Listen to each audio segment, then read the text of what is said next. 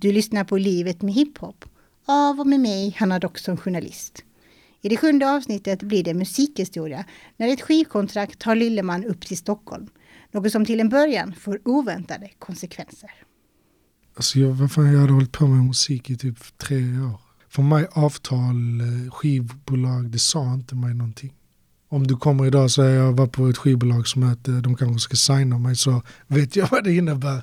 Då hade det varit bara, ja okej, okay alltså noll kunskap inom, i, alltså inom de frågorna eller tankarna. Så att jag, det är därför jag säger jag, jag har varit utanför det snacket på ett skumt sätt för att jag bara gick till studion och spelade in.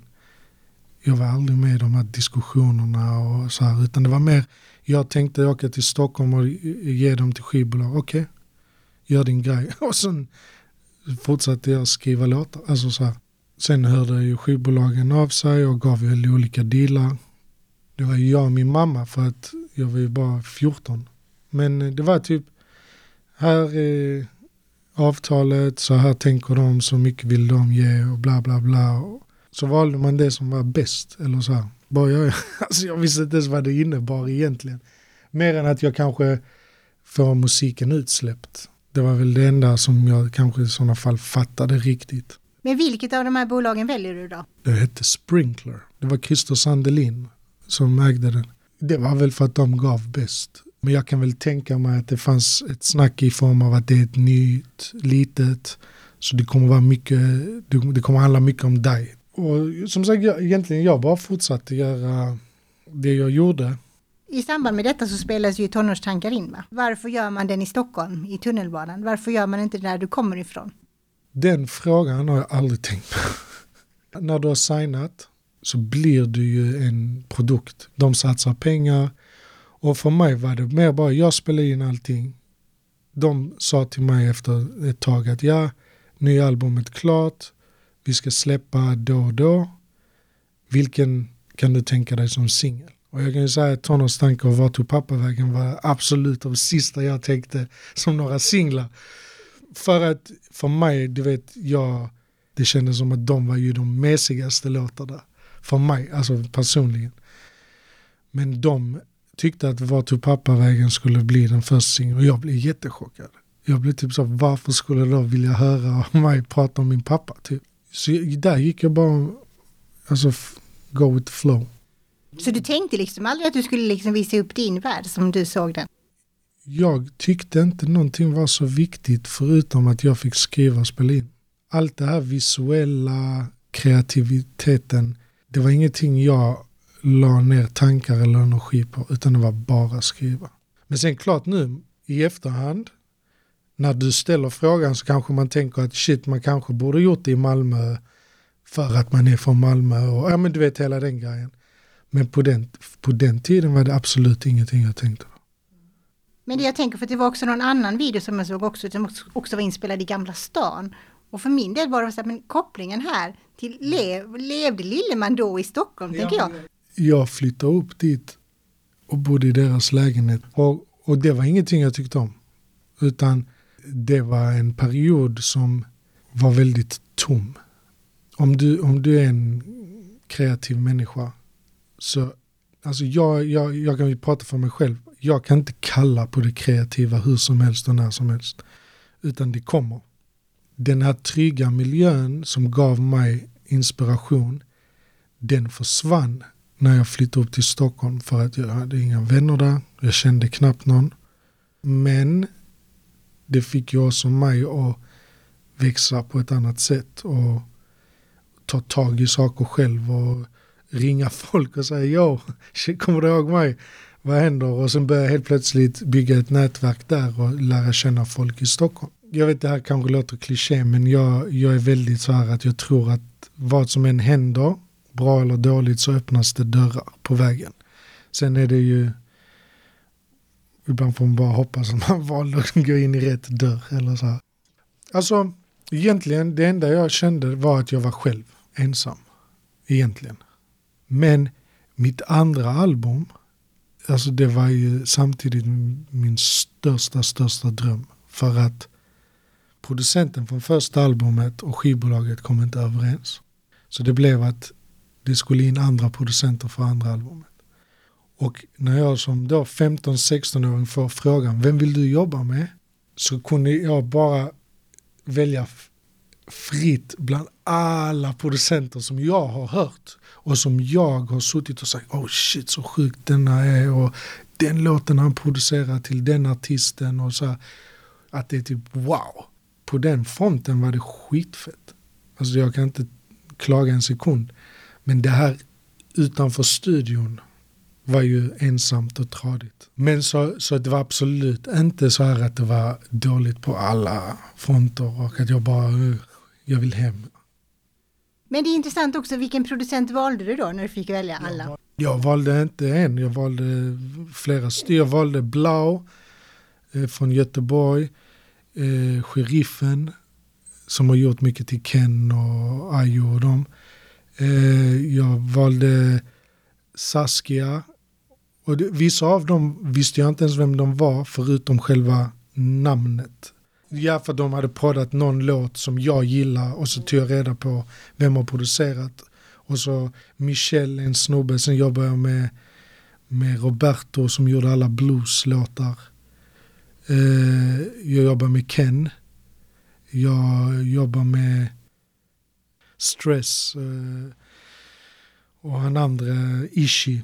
För mig så var det som att någon på det, den tiden i USA hade fått välja mellan Dre, Timberland och Neptunes. Förstår du vad jag menar? Så, så jag var ju jätteglad att få träffa alla de här. Och plus spela in med Ken, spela in med Blues, spela in med Fre. Så, så för mig så var det skithäftigt att få träffa de här människorna och få jobba med dem. Och, och sen som sagt som jag sa till dig, jag, fick ju var, jag var själv men jag lärde ju till slut känna folk. Som jag, nästa, jag, jag slutade vara i min lägenhet, jag började bo hemma hos dem istället. så att du vet, the end of the story var bra i Stockholm.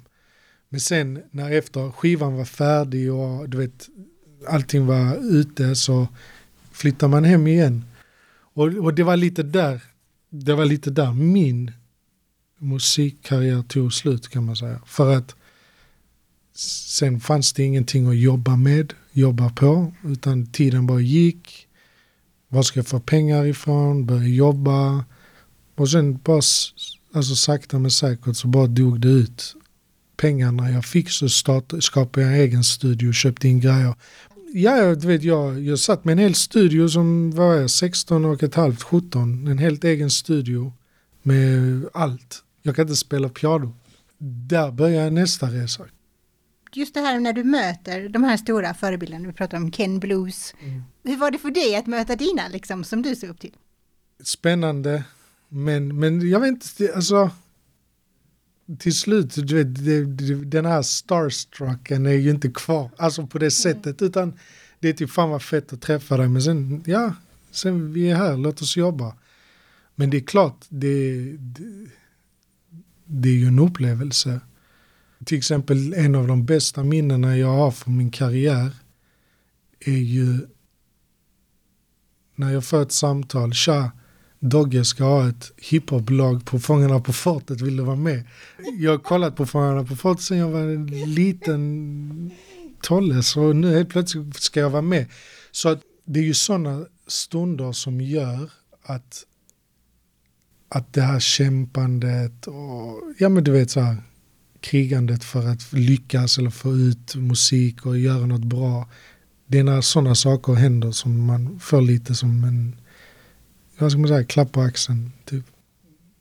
De viktiga låtarna, liksom, de som har blivit nästan ikoniska. Mm. Och det är ju tonårstankar då, som jag tänker som det första. Liksom. Mm. Och så, jag vet att när jag skrev till dig så sa att den här låten kunde varenda en som gick i min gymnasieklass, alla liksom, på festerna stod och drog några lines. Liksom. Varför tror du att den har blivit så stor?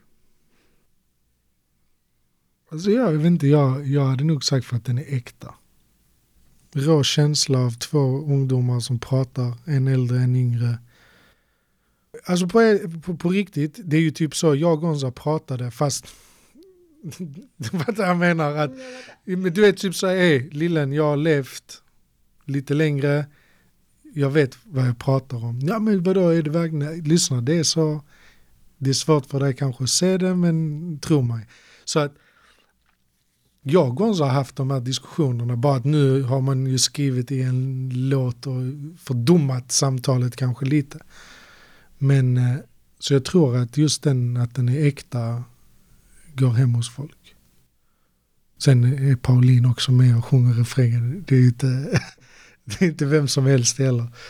Nej, men jag tror att det var texten också som berörde. Alltså, visst, många kunde, kanske kunde driva med stilen om man rappade, men det var ändå mm. texten som gick in på oss. Alltså, vi var ju, det är en värld som inte vi kände till, kan vi säga så? Alltså för vår del blev det nog så bara, wow, kan man leva så? Menar att det finns ungar som har det så här, tänker man så? Alltså så.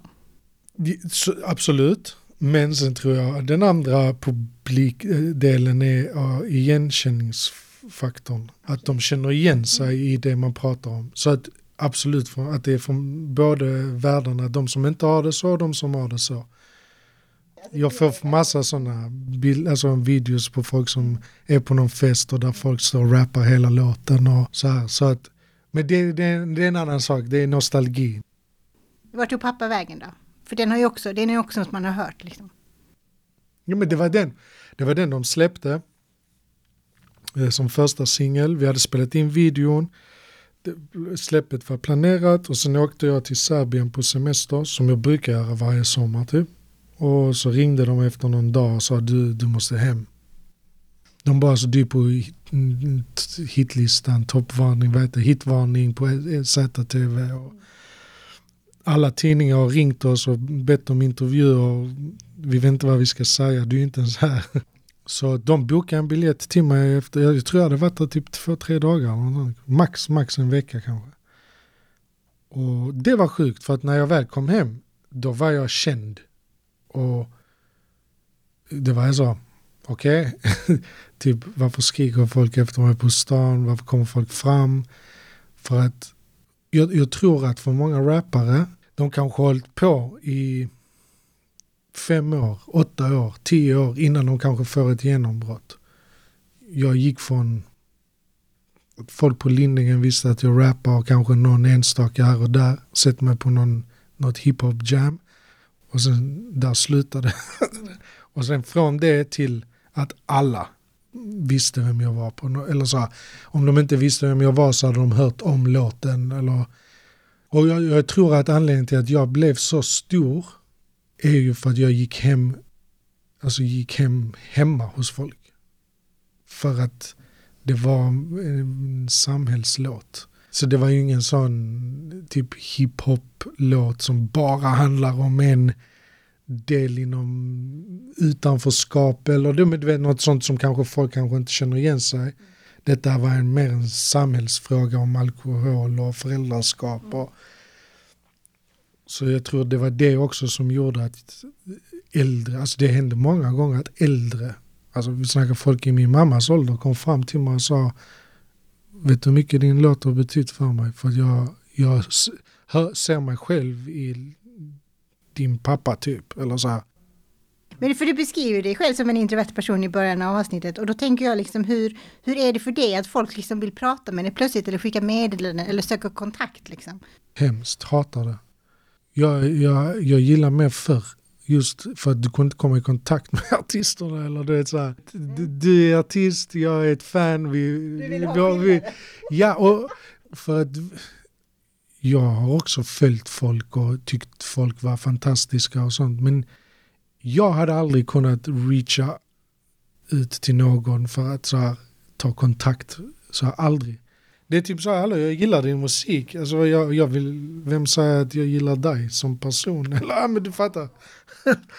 det, alltså förstår du vad jag menar? Du vet, vi, bara för att jag har gjort tonårstankar betyder det ju inte det att jag vill börja umgås med alla som gillar den låten. Alltså förstår du vad jag menar? Utan det är mer jag uppskattar, gillar den, delar den men vi håller den distansen. Till. Och, det, och jag vet inte, det är väl för att jag gillar inte kanske så här folk på det sättet. Alltså jag, jag gillar att vara själv och vara med dem jag är med och sån that's it. För att jag, vad ska jag säga till någon som kommer fram? Din, eh, din musik har betytt mycket. Ja. Och jag vet inte, jag, jag uppskattade mer den tiden när du på riktigt fick kämpa för att se någon du gillade. eller lyssnade på. Men nu du kan ju följa dem in i sovrummet. De kan filma sig själv när de ligger i sängen. Godnatt, puss puss, nu går jag och lägger mig. Och jag, jag tycker att det är inte min stil. Hade någon gjort MTV Cribs idag så är det typ så här, jag har sett eh, ditt stora rum 400 gånger. Men du har ju ändå en Instagram idag. Jag anser inte att jag har den approachen att jag visar hela mitt liv och in i detalj och sånt. Och, och det är det jag säger, jag säger inte att det inte är bra. För att jag brukar säga till mina artister jag jobbar med, vill du nå ut? Instagramma varje dag hela tiden. Jag själv hade aldrig gjort det. Men jag förstår tänket, jag förstår taktiken och jag förstår utvecklingen. Så, det, så, så gammaldags är jag inte. Kommer hem där eh, från semestern och media vill ha dig. Mötet med journalister och så, hur var det för dig? Jag var väldigt ung och vild och var i många situationer som hade kunnat komma ut riktigt fel men där de har valt att ta hänsyn till min ålder och bara hållit sig till vad vi pratar om och ingenting annat. Så att jag ska säga att idag är jag fett glad att de var så mogna och så snälla mot mig. Rodde pratade lite om att det är en dekadent musikstil. Eh, jag hade nog sagt att det är mycket, mycket mindre än vad man förväntar sig. I min värld i alla fall. Men eh, jag har alltid varit, alltså, jag har aldrig tagit droger. Så att jag, för mig var det väldigt så här, jag levde i min bubbla som lite du var inne på. Så för mig var det ingenting som var viktigt. Vet du vad jag tror det Jag tror att ett, eller nu, jag, som sagt jag kan bara prata för mig själv. Men jag var ung när jag slog igenom. Så jag var väldigt skyddad av eh, många äldre. Alltså även det andra kollektivet jag med, var med var sex, fem, sex, sju, till och med åtta år äldre, vissa av dem. Så att de var väldigt beskyddande på det sättet. Och sen när jag var 20 så slutade jag typ med musiken nästan helt. Alltså på det sättet att börja eh, åka runt i olika städer och uppträden och allt sånt. Så att den åldern jag kanske hade sett mest och upplevt mest av har jag ju väldigt lite.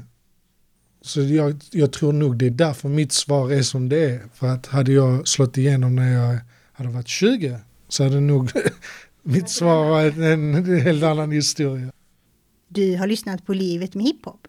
I nästa avsnitt handlar det om att uppfylla musikdrömmar inte alltid betyder mest av allt.